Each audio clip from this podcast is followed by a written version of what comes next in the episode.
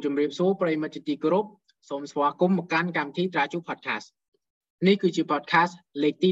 15ខ្ញុំបាទរស់សយមភូជាអ្នកសម្របសម្រួលកម្មវិធីនៅក្នុងថ្ងៃនេះកម្មវិធី Traju Podcast គឺជាកម្មវិធីរបស់សមាគមសាលា Traju បង្កើតឡើងដើម្បីផលិតកិច្ចសម្ភាសជុំវិញប្រធានបទក្នុងវិស័យច្បាប់ និងវិស័យពាក់ព័ន្ធជាមួយនឹងវាគ្មិនជំនាញដើម្បីចូលរួមនៅការពិភាក្សាបកស្រាយក្នុងក្របខ័ណ្ឌច្បាប់ជាតិ និងអន្តរជាតិប្រកបដោយខ្លឹមសារខ្លីខ្លឹមនិងមានប្រយោជន៍ជាមួយគ្នានឹងការប្ររពឡើងវិញនៅកម្មវិធីចូលឆ្នាំថ្មីប្រពៃណីជាតិដោយសារតែមានការរំខានអំពីជំងឺ Covid-19 ប្រមាណឆ្នាំកន្លងទៅនៅក្នុងសប្តាហ៍នេះកម្មវិធីយើងនឹងបដោតសំខាន់ទៅលើប្រធានបទគតិយុត្តបទឋានគតិយុត្តប្រវត្តិសាស្ត្រដើម្បីញ៉ាំងនៅអារម្មណ៍និងបំផុសការផ្សព្វផ្សាយអំពីប្រវត្តិសាស្ត្រខ្មែរបន្ថែមទៀតដូច្នេះប្រធានបទរបស់យើងនៅក្នុងសប្តាហ៍នេះគឺ បទឋានគតិយុត្តខ្មែរនាអតីតកាលសម័យបុរាណដែលយើងផ្ដោតសំខាន់ទៅលើសម័យអង្គរដើម្បីបកស្រាយក៏ដូចជាឆ្លើយសំណួរជុំវិញប្រធានបទនេះយើងបានអញ្ជើញលោកសួងសុករោដែលលោកជាមន្ត្រីផ្នែកស្រាវជ្រាវនៅមជ្ឈមណ្ឌលស្រាវជ្រាវវប្បធម៌នៃសាកលវិទ្យាល័យភូមិន្ទវិចិត្រសិល្បៈសប្តាហ៍ថ្ងៃលោកក៏ជានិស្សិតថ្នាក់បណ្ឌិត នៅវិទ្យាស្ថានជាតិភាសា និងអរិយធម៌បូព៌ាប្រទេស នៃទីក្រុងប៉ារីសប្រទេសបារាំងលោកក៏ជាសមាជិកនិពន្ធនយោសម្រាប់សៀវភៅកម្រងព័ត៌មានវប្បធម៌ខ្មែររបស់អង្គការយសធរដែលចេញផ្សាយក្នុងមួយឆ្នាំមួយលេខដើម្បីលោកជាវាគ្មិនបកស្រាយនិងប្រជាពុទ្ធិមតិយោបល់បន្ថែមជុំវិញប្រធានបទនេះហើយដូច្នេះសូមប្រិយមិត្តជាទីគោរពសូមតាមដានស្ដាប់នៅកម្មវិធីតាជវត្តខាស ស្ដីពីបទឋានគតិយុត្តខ្មែរនាអតីតកាលសម័យបុរាណដែលប្រោតសំខាន់ទៅលើសម័យអង្គរដូចតទៅបាទសូមជំរាបសួរលោកសុករោបាទបាទជំរាបសួរសាយភូបាទបាទដើម្បីកុំឲ្យខាត់ពេលពេលវេលាយូរខ្ញុំបាទសូមអនុញ្ញាតចូលទៅសំណួរទី1តែម្ដងលោកថាតើ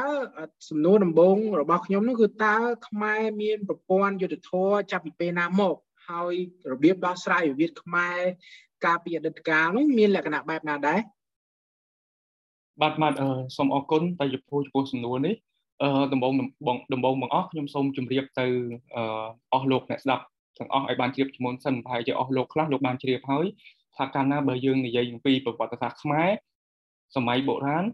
ឬក៏រហូតមកដល់បច្ចុប្បន្ននេះគឺគេការអ្នកស្រាវជ្រាវទូទៅហ្នឹងគឺគេបែងចែកប្រវត្តិសាស្ត្រហ្នឹងជា3ដំណាក់កាលឬក៏3សម័យកាលទី1ហ្នឹងគឺសម័យបុរាណដែលសម័យបុរាណហ្នឹងគឺគេចែកជាពីរទៀតសម័យមុនអង្គរ និងសម័យអង្គរហើយបន្ទាប់មកទៅគឺសម័យកណ្ដាលគឺចាប់ពីរវាងសតវត្សទី14ដល់ចុងសតវត្សទី18និងសម័យថ្មីចន្លោះសតវត្សទី19រហូតមកបាទដូច្នេះទៅបើកាលណាយើងនិយាយអំពីសម័យបុរាណថាតើយើងមានប្រព័ន្ធយុត្តិធម៌ចាប់ពីពេលណាមកនោះសំណួរនេះខ្ញុំសូមជម្រាបតាមត្រង់គឺថាពិបាកនឹងឆ្លើយគឺថាយើងយើងគ្មានផុសតាំងអ្វីឲ្យច្បាស់លាស់ ព្រោះនៅសម័យមុនអង្គរដែលខ្ញុំជម្រាបមុននេះគឺថាចាប់ពីរវាងសតវត្សទី7រហូតមកដល់សតវត្សទី9ដើមសតវត្សទី9អីនេះគឺយើងអត់មានផុសតាំងអីច្បាស់លាស់ជាលាយលក្ខណ៍អក្សរជាអីនៅក្នុងសាលាចរិតជាអីហ្នឹងទេប៉ុន្តែហើយទៅយើងថាស្ទើរតែអត់មានព័ត៌មានប៉ុន្តែយើងមានព័ត៌មានខ្លះខ្លះដែរដែលនិយាយអំពីរឿងរ៉ាវតុលាការបន្តិចបន្តួចនៅក្នុងសាលាចរិតខ្មែរនៅសម័យអង្គរគឺរវាងសតវត្សទី9ទី10មករហូតមកនឹងយើងមានខ្លះ ហើយសួរថាតើរបៀបដោះស្រាយវិវាទខ្មែរនៅសម័យអតីតកាលនោះវាមានលក្ខណៈបែបណាគឺត្រង់នេះយើងយើងយើងឃើញថាវាមានពីរតាមការសិក្សាស្រាវជ្រាវមកយើងឃើញថាវាមានឯងចែកជាពីរមួយនោះគឺថាការដែលគេដោះស្រាយវិវាទក្តីក្តាំរកយុត្តិធម៌អីហ្នឹងតាមប្រព័ន្ធច្បាប់ប្រព័ន្ធច្បាប់មានន័យថាមានច្បាប់មានអ្នកកាត់ក្តីមានចៅក្រមមានអីហ្នឹងតាមប្រព័ន្ធច្បាប់រដ្ឋនិងមួយទៀតគឺការដោះស្រាយវិវាទទៅតាមបែបជំនឿគឺថា ជំនឿវានៅសម័យបុរាណនោះគឺជាប់គ្នាជាមួយនឹងប្រព័ន្ធតុលាការនឹងខ្លាំងព្រោះថាការដែលកាត់ក្តីគេអត់បែងចែកទេជួនកាលអាការកាត់ក្តីនឹងគឺត្រូវការអឺការធ្វើកិច្ចពិធីរបៀបស្បត់ស្បាយអីក្នុងនៅក្នុងជំនឿហ្នឹងជាមួយគ្នាហ្នឹងហើយមនុស្សកាលនោះសាសនាមានឥទ្ធិពលខ្លាំងក្លាគឺថាគេជឿរឿងបនបាបនៅរូបប្រែតអីអញ្ចឹងម្ល៉េះហើយការកាត់ក្តីហ្នឹងគឺវាដើរទន្ទឹមគ្នារវាងច្បាប់រដ្ឋផងគឺនឹងផ្នែកជំនឿផងបាទ បាទសូមអរគុណលោកដែលបានបកស្រាយបន្ថែមថាប្រព័ន្ធយុទ្ធធរអាចនឹងមានប៉ុន្តែក៏ពិបាកក្នុងការរកឯកសារផុសតាងមកបកស្រាយអញ្ចឹងទន្ទឹមនឹងនេះសំណួរទី2របស់ខ្ញុំនោះគឺថាដើម្បីស្វែងយល់អំពីប្រព័ន្ធតឡាការខ្មែរនៃសម័យបុរាណដែលលោកបានមានប្រសាសន៍មុនហ្នឹងតើតើយើងត្រូវពឹងផ្អែកលើផុសតាងអ្វីខ្លះទៀតដើម្បីយើងទទួលបាននៅព័ត៌មានមួយដែលច្បាស់លាស់លោកយើងត្រូវផ្អែកជាចាំបាច់បំផុតគឺសាលាចរិត មុនគេសាលាចរិតព្រោះសាលាចរិតគឺជាផុសតាងជាលិលាអសរដែលគេចារនៅសម័យនោះផ្ទាល់ដែលនិយាយរៀបរាប់ព្រឹត្តិការណ៍រឿងរ៉ាវដែលកើតនៅក្នុងសម័យនោះផ្ទាល់ឬក៏គេសរសេរក្រៅនឹងបន្តិចប៉ុន្តែរៀបរាប់ពីព្រឹត្តិការណ៍អ្វីមួយនៅក្នុងពេលដំបាក់ដំណើរដំណើរគ្នានឹងគឺថាអាចលើសខ្វះគ្នាបន្តិចតួចប៉ុន្តែវានៅក្នុងសម័យកាលប្រហែលៗគ្នានឹងម្ល៉េះហើយយើងពឹងផ្អែកសំខាន់បំផុតគឺសិលាចារឹក មួយទៀតយើងអាចមើលតាមចម្លាក់អីដែលមាននៅតាមជាជាងប្រាសាទអីហ្នឹងមានបន្តិចបន្តួចទេអត់មានច្រើនទេបាទតែយើងផ្អែកសំខាន់ជាគោលហ្នឹងគឺអឺសិលាចារឹកនឹងឯងបន្ទាប់មកទៀតអឺដើម្បីនឹងយល់វែងឆ្ងាយយើងត្រូវការការសិក្សាប្រៀបធៀបជាមួយនឹងប្រទេសដទៃដូចជាឥណ្ឌាអីដែលយើងដឹងហើយដូចយើងដឹងពីនៅសម័យបុរាណខ្មែរយើងជ្រួតជ្រាបអរិយធម៌ឥណ្ឌាហ្នឹងពេញខឹងណា គឺថាអរិយធម៌ឥណ្ឌាហ្នឹងចូលមកហ្នឹងមានទាំងផ្នែកសាសនាសាសនាហ្នឹងមានទាំងខាងព្រហ្មញ្ញសាសនាពុទ្ធសាសនារបៀបគ្រប់គ្រងស្រុកទៅរបៀបគ្រប់គ្រងស្រុកហ្នឹងគឺការបែងចែកឲ្យមានជាស្ដេចមានមន្ត្រីមានរាជមានឋានៈក្រមតូចធំអីហ្នឹងក៏គឺមកពីឥណ្ឌាដូចគ្នាច្បាប់ទម្លាប់របស់នគរអីហ្នឹងគឺមានច្បាប់របៀបរបបអីផ្សេងផ្សេងអក្សរសាស្ត្រអក្សរសិល្ប៍វេយ្យាករណ៍រឿងទេវកថាក្បួនតម្រាអីផ្សេងផ្សេងសិល្បៈអីហ្នឹងក៏មកពីឥណ្ឌាដែរម្ល៉េះហើយដើម្បីនឹងយល់រឿងខ្មែរគេត្រូវងាកទៅ សិក្សាអំពីឥណ្ឌាអីហ្នឹងវែងឆ្ងាយដែរបាទហើយទៅអឺ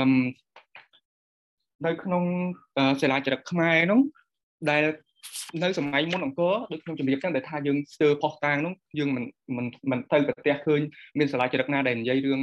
ទំនាស់ក្តីក្តាំរឿងក្នុងតុលាការនឹងទេប្រហែលជាថ្ងៃក្រោយទៅអាចមានអ្នកស្រាវជ្រាវបន្តទៀតគេរកឃើញរកអីឬក៏យ៉ាងម៉េចប៉ុន្តែចំពោះខ្ញុំខ្ញុំស្រាវជ្រាវអឺ ទៅតាមលទ្ធភាពខ្ញុំហ្នឹងខ្ញុំឃើញថាសម័យមុនអង្គរហ្នឹងស្ទើរតែអត់មានចាប់ពីអឺសតវត្សទី10អីនេះមកហើយទើបបានមានសាលាចរិតដែលនិយាយរឿងក្តីក្តាំហ្នឹងហើយសាលាចរិតដែលខ្ញុំប្រទះឃើញហ្នឹងយ៉ាងហោចណាស់មាន8តន្ទប់សាលាចរិតបាទចាប់ពីសតវត្សទី10រហូតមកដល់សតវត្សទី11គឺថាយើងមាន11សាលាចរិតហើយបន្ទាប់មកទៀតទៅអឺយើងដឹងថាមានអឺ ឥណ្ឌាហ្នឹងមានអធិពលមកលើខ្មែរដោយសារនៅក្នុងសាលាចរិតហ្នឹងជួនកាលវាមានពាក្យទោសដូចថាអឺទោសគេហ្នឹងគេមានបែងចែកជាប្រមាណប្រមាណទៅគេមានទោសឈ្មោះអីឈ្មោះអីម្ល៉េះហើយទោសដែលយើងឃើញថានៅមាននៅក្នុងសាលាចរិតខ្មែរហ្នឹងគឺមានចារនៅក្នុងច្បាប់របស់ឥណ្ឌាច្បាប់មួយនោះគេហៅច្បាប់មនុស្សបាទមនុស្សឬមនុស្សហ្នឹងហើយក្រៅពីហ្នឹងយើងទទួលអធិពលឥណ្ឌារឿងខាងធម្មសាស្ត្ររឿងអត្ថសាស្ត្រអីហ្នឹងថែមទៀតម្ល៉េះហើយទាំងអស់នេះត្រូវការការសិក្សាបន្តបន្តទៅទៀតបាទ បាទអរគុណបាទបាទសូមអរគុណលោកសុករោដែលបានបញ្យល់បន្ថែមអំពីផុសតាងដែលយើងបដោតសំខាន់ទៅលើសាលាចរិតដែលជាផុសតាងមួយដែលជាក់លាក់អញ្ចឹងដូចលោកមានប្រសាសន៍កតុយមិញតិចចឹងពាក់ព័ន្ធជាមួយនឹងប្រភពនៃឯកសារច្បាប់ដែលជាពិសេសចេញពីឥណ្ឌាអញ្ចឹងក្នុងន័យហ្នឹងតើខ្ញុំអាចសួរសំណួរទៅលោកអំពីថាតើឯកសារច្បាប់គោលណាខ្លះដែលខ្មែរបុរាណត្រូវបានប្រើប្រាស់នៅក្នុងសង្គមនានាសម័យនោះលោក បាទអឺលោកបាទលោកសាយពុយសូមអរគុណចំពោះសំណួរសំណួរនេះយើងឆ្លើយអត់កើតដែរព្រោះណែយើងអត់មានផុសតាងអីដូចខ្ញុំបានជម្រាបអញ្ចឹងព្រោះណែសម័យបុរាណយើងអត់មានសល់ផុសតាងអីដែលប្រាប់យើងឲ្យច្បាស់ច្បាស់ថាយើងប្រើច្បាប់អីច្បាប់អីនោះឲ្យច្បាស់លាស់ទេអត់មានទេបាទប៉ុន្តែទៅតាមរយៈសាលាចរិតអឺមួយចំនួនហ្នឹងដូចយើងឃើញថាមានមានពាក្យថាមានពាក្យហៅឈ្មោះទោសនោះទៅតាមច្បាប់មួយរបស់ឥណ្ឌាគឺច្បាប់មនុស្សម្ល៉េះហើយទៅ យើងអត់ដឹងទេថាតើច្បាប់ដែលខ្មែរបុរាណយកមកពីឥណ្ឌានោះមានអីរបៀបរបបខាងម៉េចការប្រើប្រាស់យ៉ាងម៉េចទម្រង់បែបបត់ច្បាប់ណាខ្លះអីនោះយើងអត់ដឹងទេបាទនេះជារឿងដែលយើងត្រូវសិក្សាតទៀតវែងឆ្ងាយបាទបាទអរគុណលោកដែលបានអឺព្យាយាមឲ្យជាពុទ្ធិបន្ថែមទៀតនិងដោលជាចំណោលមួយសម្រាប់អ្នកស្រាវជ្រាវចំនួនក្រោយអាច នឹងពិនិត្យមើលទៅលើបញ្ហាអស់នេះប៉ុន្តែជាការយល់ឃើញផ្ទាល់ខ្លួនសម្រាប់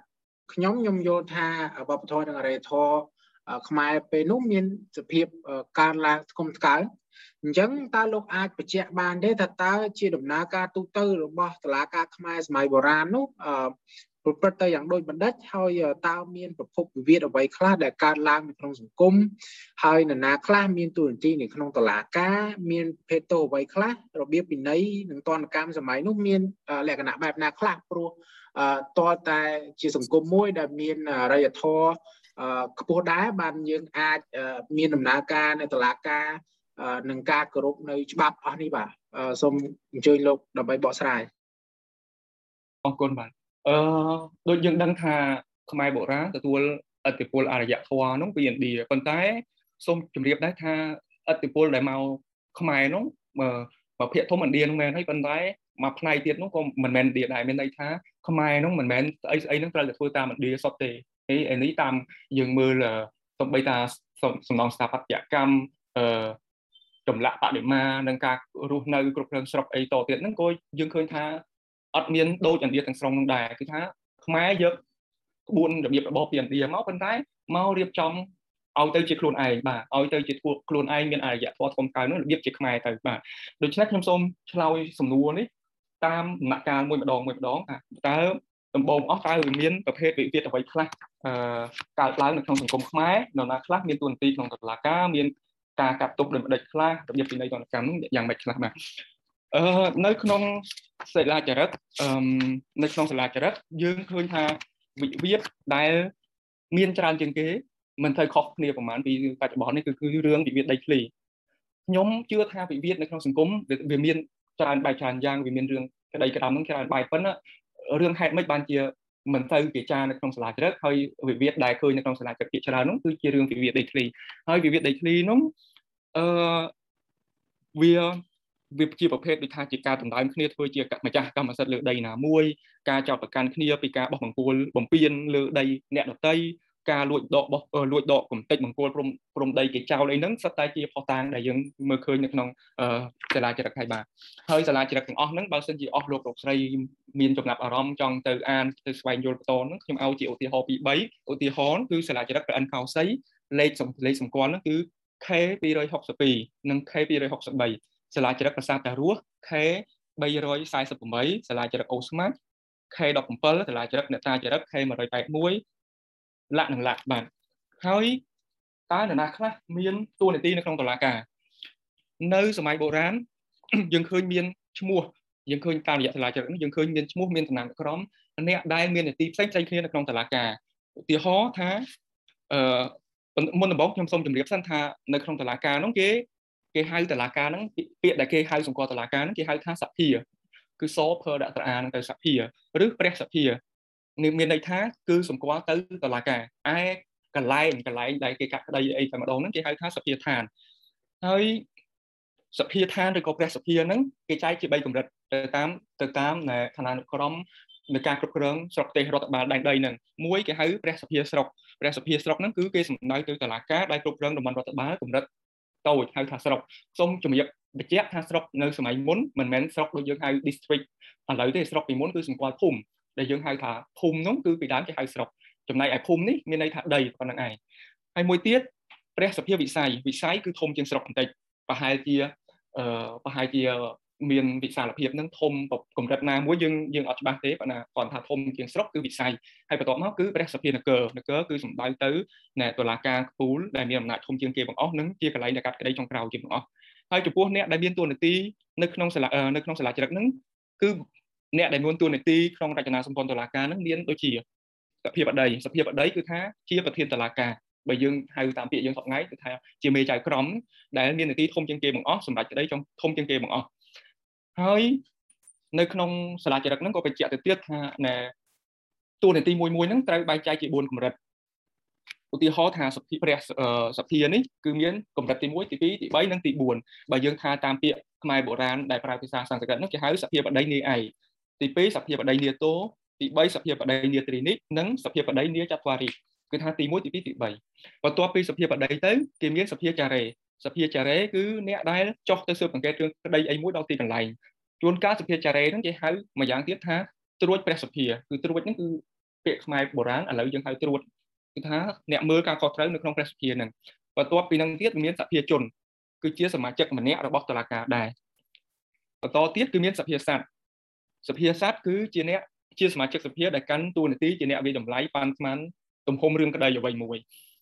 មួយទៀតគឺគុណទោសគុណទោសដារ៉ាស៊ីបើយើងថាជាសង្ស្ក្រឹតគឺគុណទោសដារ៉ាស៊ីមានន័យថាអ្នកដែលត្រួតមើលអឺវិភាគវេកញែកអំពីគុណនឹងទោសតើទោសនឹងកម្រិតណាអឺគុណនឹងកម្រិតណាគូកើងទៀងទាត់បដំប្រសងគ្នានឹងរបៀបម៉េចហ្នឹងគឺជាទួនាទីរបស់មន្ត្រីម្នាក់ឈ្មោះគុណទោសទោសរស៊ីហ្នឹងមួយទៀតគឺគេហៅវយាវាហារាធិការី ស្ថិតតែពាក្យសំស្ក្រឹតព្រោះនៅខ្មែរបុរាណប្រើសំស្ក្រឹតជាអ្នកទទួលខុសត្រូវខាងផ្នែកយុត្តិធម៌ស្រុកបាទ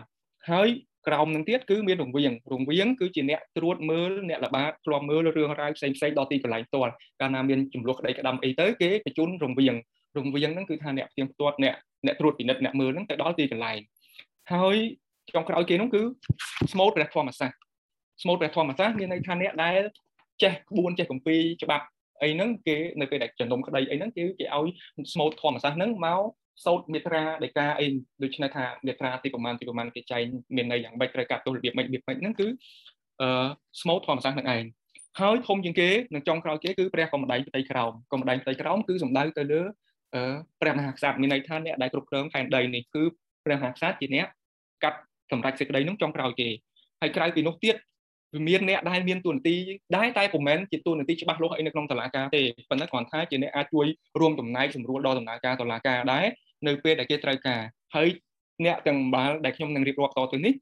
មានវត្តមានតែកាលណាគេត្រូវការជាជំនួយតុលាការអីជាជំនួយការតុលាការឬក៏ជាសាក្សីអីហ្នឹងដូច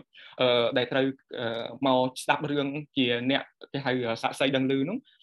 មានដូចជារាជកលមហាមន្ត្រីរាជកលមហាមន្ត្រីជាងារមន្ត្រីធំមួយដែលមើលខុសត្រូវរបៀបវិន័យរបៀបប្រញាប់វងរបៀបវិន័យនៅក្នុងព្រះរាជវាំងមើលខុសត្រូវលើប្រញាប់វងហើយ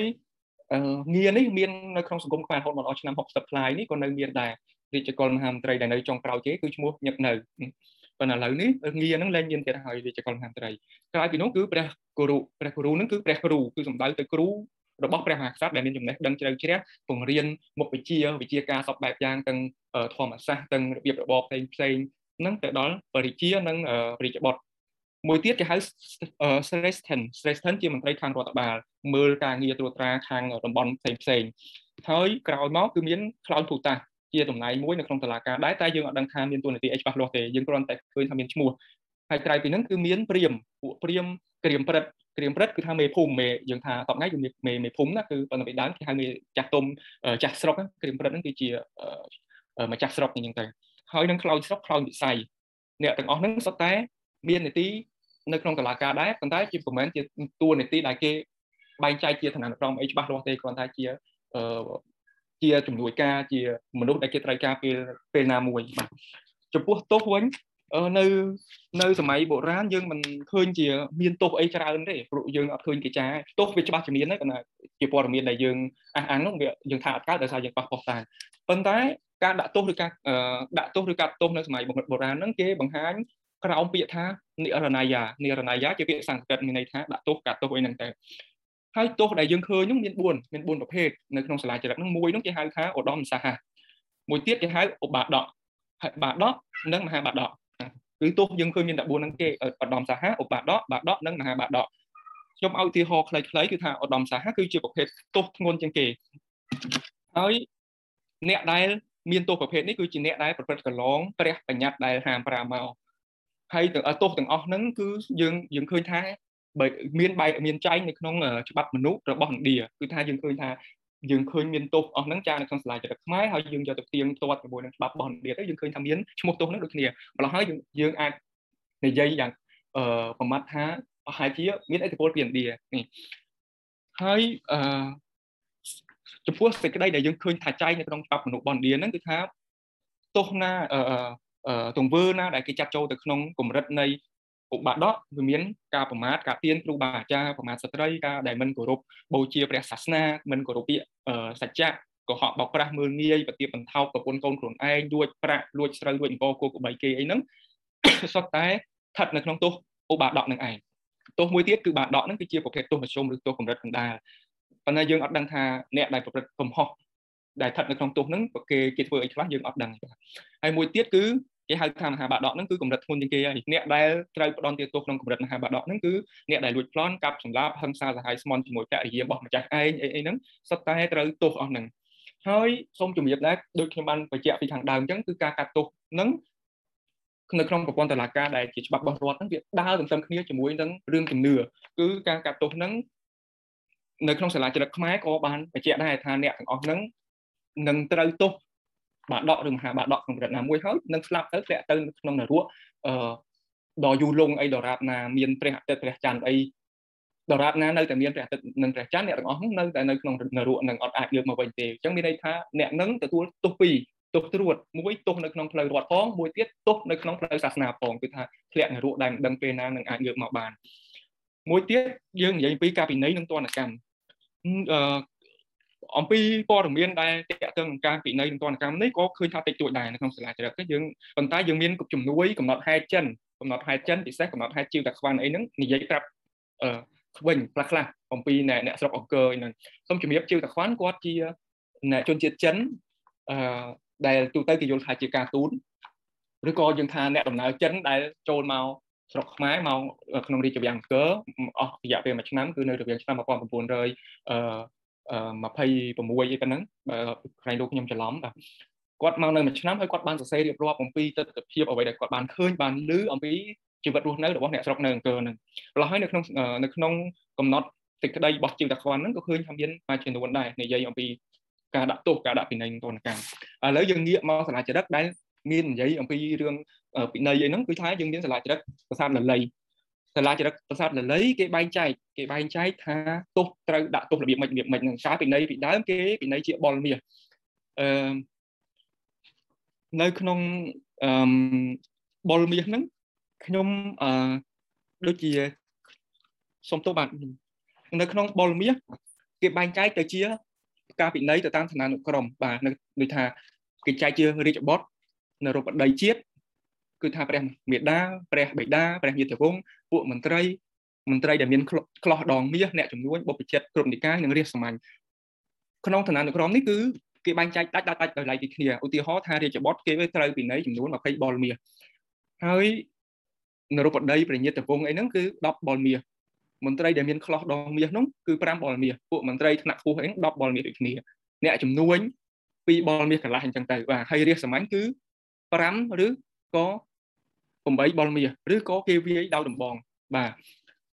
យើងឃើញថាបញ្ញាតវងគឺពិន័យខ្ពស់ជាងគេពិន័យច្រើនជាងគេឯរាជសាមញ្ញគឺពិន័យតិចហេតុអីបានដូច្នេះព្រោះបញ្ញាតវងគេមានការព្រៀនបដៅឲ្យគោរពច្បាប់គ្រប់អីអញ្ចឹងញាតិវងត្រូវរក្សាប្រកិត្តិយសអីនឹង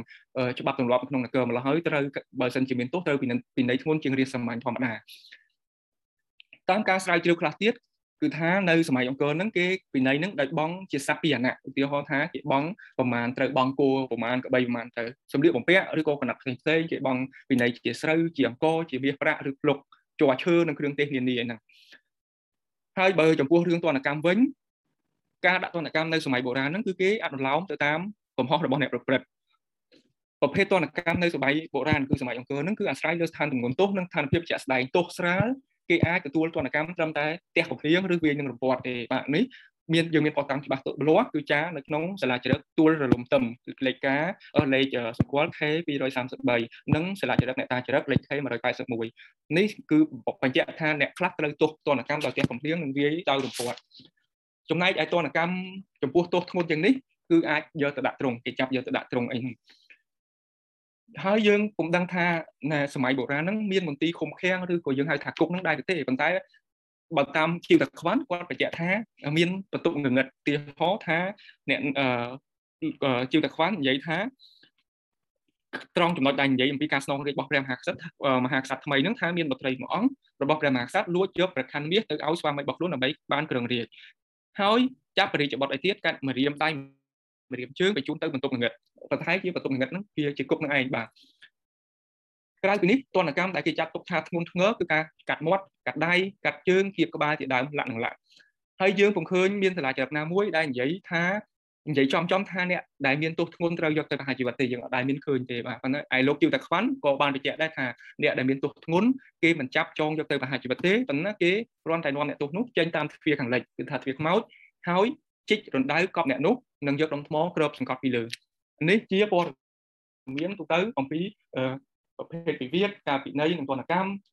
ប្រភេទអ្នកអ្នកដែលមានទូនាទីនៅក្នុងតឡាការដែលយើងឃើញមានខ្លះខ្លះនៅក្នុងសាលាចរិតនៅសម័យបុរាណបាទអឺមួយទៀតយើងងាកមកមើលថាការពិន័យនៅក្នុងការកាត់ទោសឬការពិន័យប្រព័ន្ធតុលាការហ្នឹងតាមបែបជំនឿវិញម្ដងព្រោះអីមុននេះយើងបានឃើញថា ដូចបានជម្រាបហើយថាប្រព័ន្ធតុលាការសម័យបុរាណនោះគឺមានពីរដើមតាមគ្នាមួយនោះគឺតាមផ្លូវរដ្ឋតាមច្បាប់រដ្ឋមួយទៀតគឺតាមផ្លូវជំនឿឥឡូវយើងងាកមកមើលខាងផ្នែកជំនឿវិញអឺបើសិនជាសំណួរយើងត្រូវសួរថាបើសិនជាយើងមិនទុកចិត្តប្រព័ន្ធតុលាការដែលដាក់ទុកដោយផ្លូវរដ្ឋនិងដោយចៅក្រមដោយ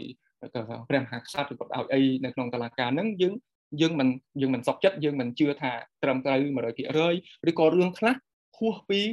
លទ្ធភាពរបស់មនុស្សហ្នឹងដែលត្រូវអាកាត់ប្រឡោះហើយតើគេងាកទៅណាគឺគេត្រូវងាកទៅរកខាងផ្នែកជំនួយអឺជំនឿបាទសំទោសគឺគេងាកទៅរកខាងផ្នែកជំនឿដែលគេអាចចាក់គិតគេអាចយល់ថាអឺនឹងមាន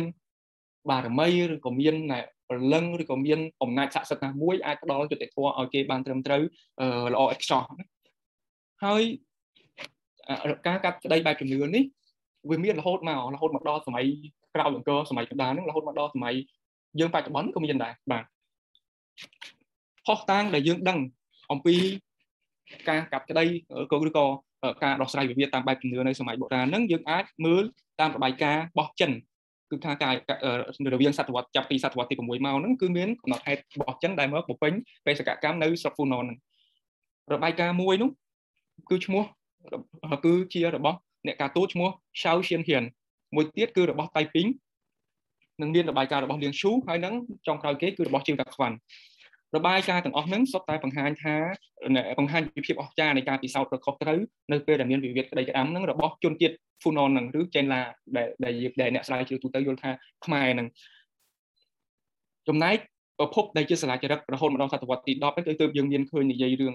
រឿងពាក់ព័ន្ធរឿងនេះខ្លះខ្លះ ប៉ុន្តែភាគច្រើនគឺនិយាយតែរឿងស្បត់រឿងអីហ្នឹងខ្ញុំទោសបាទឥឡូវខ្ញុំសូមបង្ហាញអំពីអឺរបាយការណ៍នីមួយនីមួយថាតើគេនិយាយអីខ្លះអំពីខ្មែរនៅសម័យបុរាណនឹងរបៀបការរបៀបការដែលគេរកខុសត្រូវនៅសម័យបុរាណហ្នឹងឥឡូវយើងមើលរបាយការណ៍របស់អឺ Shao Xianhian គាត់បានសរសេរថាអ្នកស្រុក ពូបើមានចំនួនក្តីក្តាំហ្នឹងគេតែងតែធ្វើការពិសោធន៍ដូចជាដាំទឹកឲ្យពុះហើយបោះចិញ្ចៀនឬសុទ្ធចូលទៅក្នុងទឹកហើយគេឲ្យឬបើបើមិនដូច្នោះទេគេដុតដៃឲ្យឡើងក្រហមឆ្អៅហើយគេឲ្យអ្នកជាប់ចោតហ្នឹងលើកយួរឬដើរទៅលើអាដែកដែលដុតក្រហមឆ្អៅហ្នឹងចំនួន7ចំហៀងបើសិនជាអ្នកនោះ slow ត្រង់មែនអ្នកនោះនឹងអត់មានកើតហេតុភេទអីទេនឹងមិនមានរលេះរលួយដៃឬក៏ពងឬក៏ឆេះដៃអីទេមួយទៀតគឺថាគេបោះជនសង្ស័យនោះទៅក្នុងទឹក បើសិនជាអ្នកនោះពិតជាជាជនជាប់ចោតនោះពិតជាជនដែលប្រព្រឹត្តកំហុសមែនច្បាស់ជាលិចទៅក្នុងទឹកតែបើអ្នកនោះត្រឹមត្រូវអត់មានបានប្រព្រឹត្តកំហុសទេអ្នកនោះនឹងអត់នឹងនឹងអណ្ដែតឡើងបាទចំណែករបាយការណ៍របស់លៀងជូតែសេនៅក្នុងសម័យកាលដំណើរគ្នាដែរនោះនៅរវាងសតវត្សទី6ហ្នឹងនិយាយថានៅក្នុងក្រុងហ្នឹងគេមានបន្លាយទឹកគេមានចិញ្ចឹមក្រពើនៅខាងក្រៅកាពែមានមានសត្វព្រៃសាហាវហើយគេទុកជនសង្ស័យហ្នឹង គេទុកជនសង្ស័យឬពីរដ្ឋជនហ្នឹងឲ្យជាចំណីរបស់សត្វទាំងនោះបើសិនជាសត្វទាំងនោះមិនស៊ីជនសង្ស័យនោះទេក្នុងរយៈពេល3ថ្ងៃគេទុកថាអ្នកនោះអត់មានទុកកំហុសអីឲ្យឲ្យរួចខ្លួនចំណែកឯរបាយការណ៍របស់តៃពីងនិយាយថាបើកាលណាម្ចាស់ផ្ទះមានបាត់របស់ហើយគេរកមុខចោលនឹងពុំឃើញគេយកបាយទៅដាក់ចំពោះមុខអ្នកតានៅកន្លែងណាមួយ ហើយព្រឹកឡើងគេយកបាយដាក់នោះមកចែកឲ្យអ្នកបំរើនៅក្នុងផ្ទះហ្នឹងបរិភោគបើនរណាជាចៅពិតមែននោះពេលទៅពីបាយទៅនឹងនឹងមានឈាមហូរចេញមកតាមមាត់ចំណែកឯជនដែលសូត្រង់ហ្នឹងអត់មាន ប្រតិកម្មអត់មានហូរឈាមហូរអីតាមមាត់ទេ